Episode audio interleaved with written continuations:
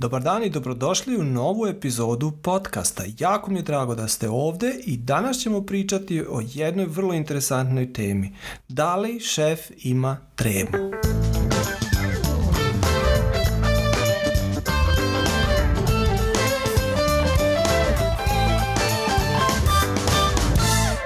Darko Pavić i ja sam suvlasnik dve kompanije Service Plusa i Fiscal Solutionsa.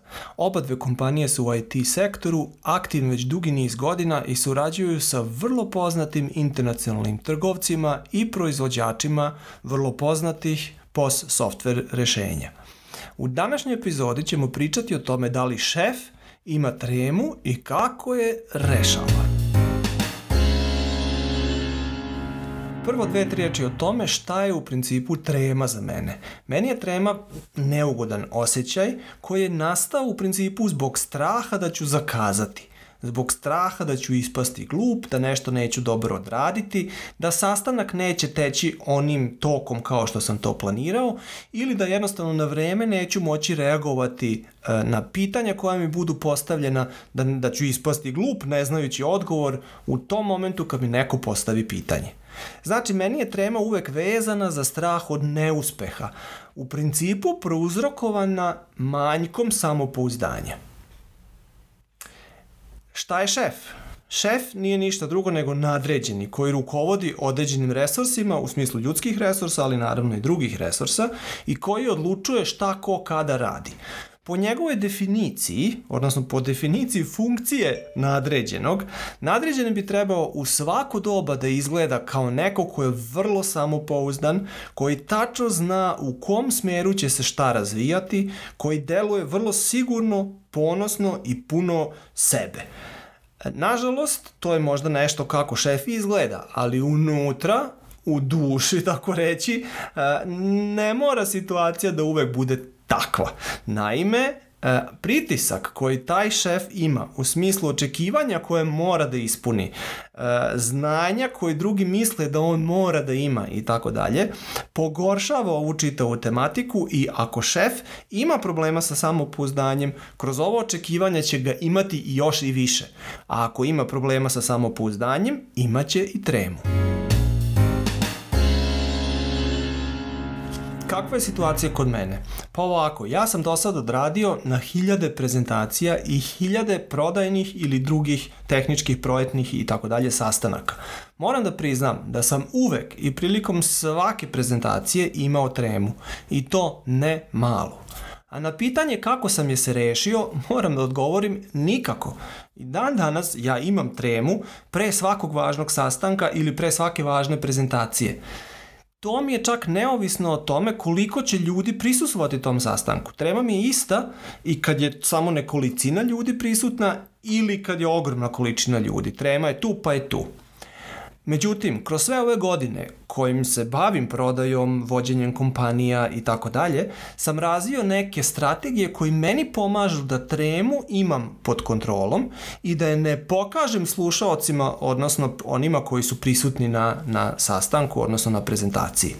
Pa evo tih recimo pet tačaka koje mislim da su za mene najvažnije.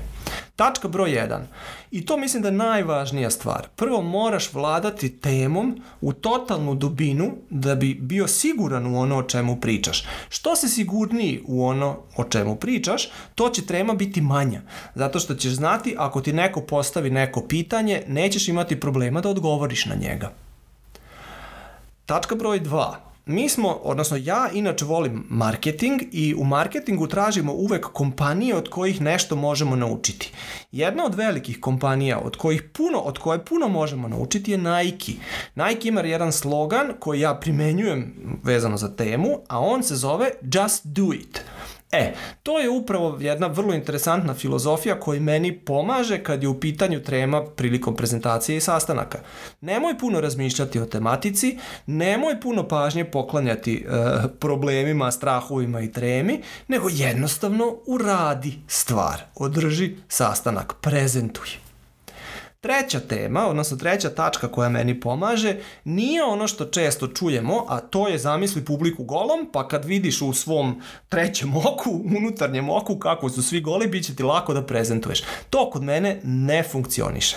Ono što meni funkcioniše, i to je sad moja treća tačka, to je da za vreme e, prezentacije ili sastanka fiksiram određene ljude i samo njima prezentujem. To menjam s vremena na vreme da se ljudi ne bi osjećali neugodno. Znači jednu, dve, 3 minute pričam jednoj osobi, onda fiksiram drugu osobu pa pričam drugoj osobi. Četvrta tačka. Ja aktivno teram sebe da napravim pauze. Zašto je to tako? E, ako čovjek ima problema sa tremom, onda tendira ka tome da što pre ispriča sve što ima. Ne bil što pre završio tu neugodnu situaciju i prešao u ugodnu situaciju gde se opuštam uz, uz e, kafu i kolač. e, Znači moram sebe aktivno da usporim, da stignem sve da ispričam, da ne zbrzam i da stvarno dopustim tematici da se razvije. To radim kroz pitanja.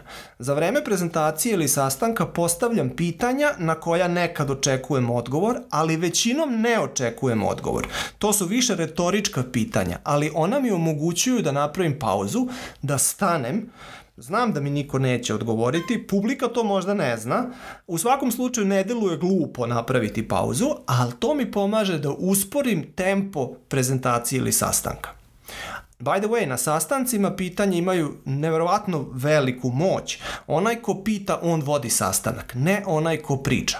Kod prezentacija je malo drugčija, ali i tamo se pokazuje da su pitanja sve važnija. I to za moju petu tačku.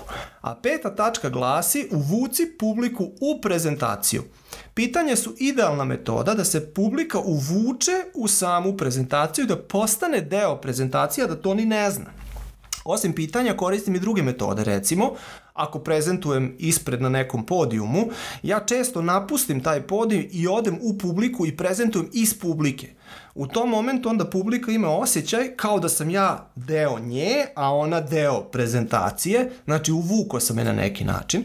Druga metoda je delim publici nešto što onda oni drže u rukama, gledaju, testiraju, okreću i tako dalje, što nekad ima veze sa prezentacijom, ali nekad nema ali uglavnom kroz te taktilne aktivnosti oni isto tako imaju osjećaj da su deo same prezentacije.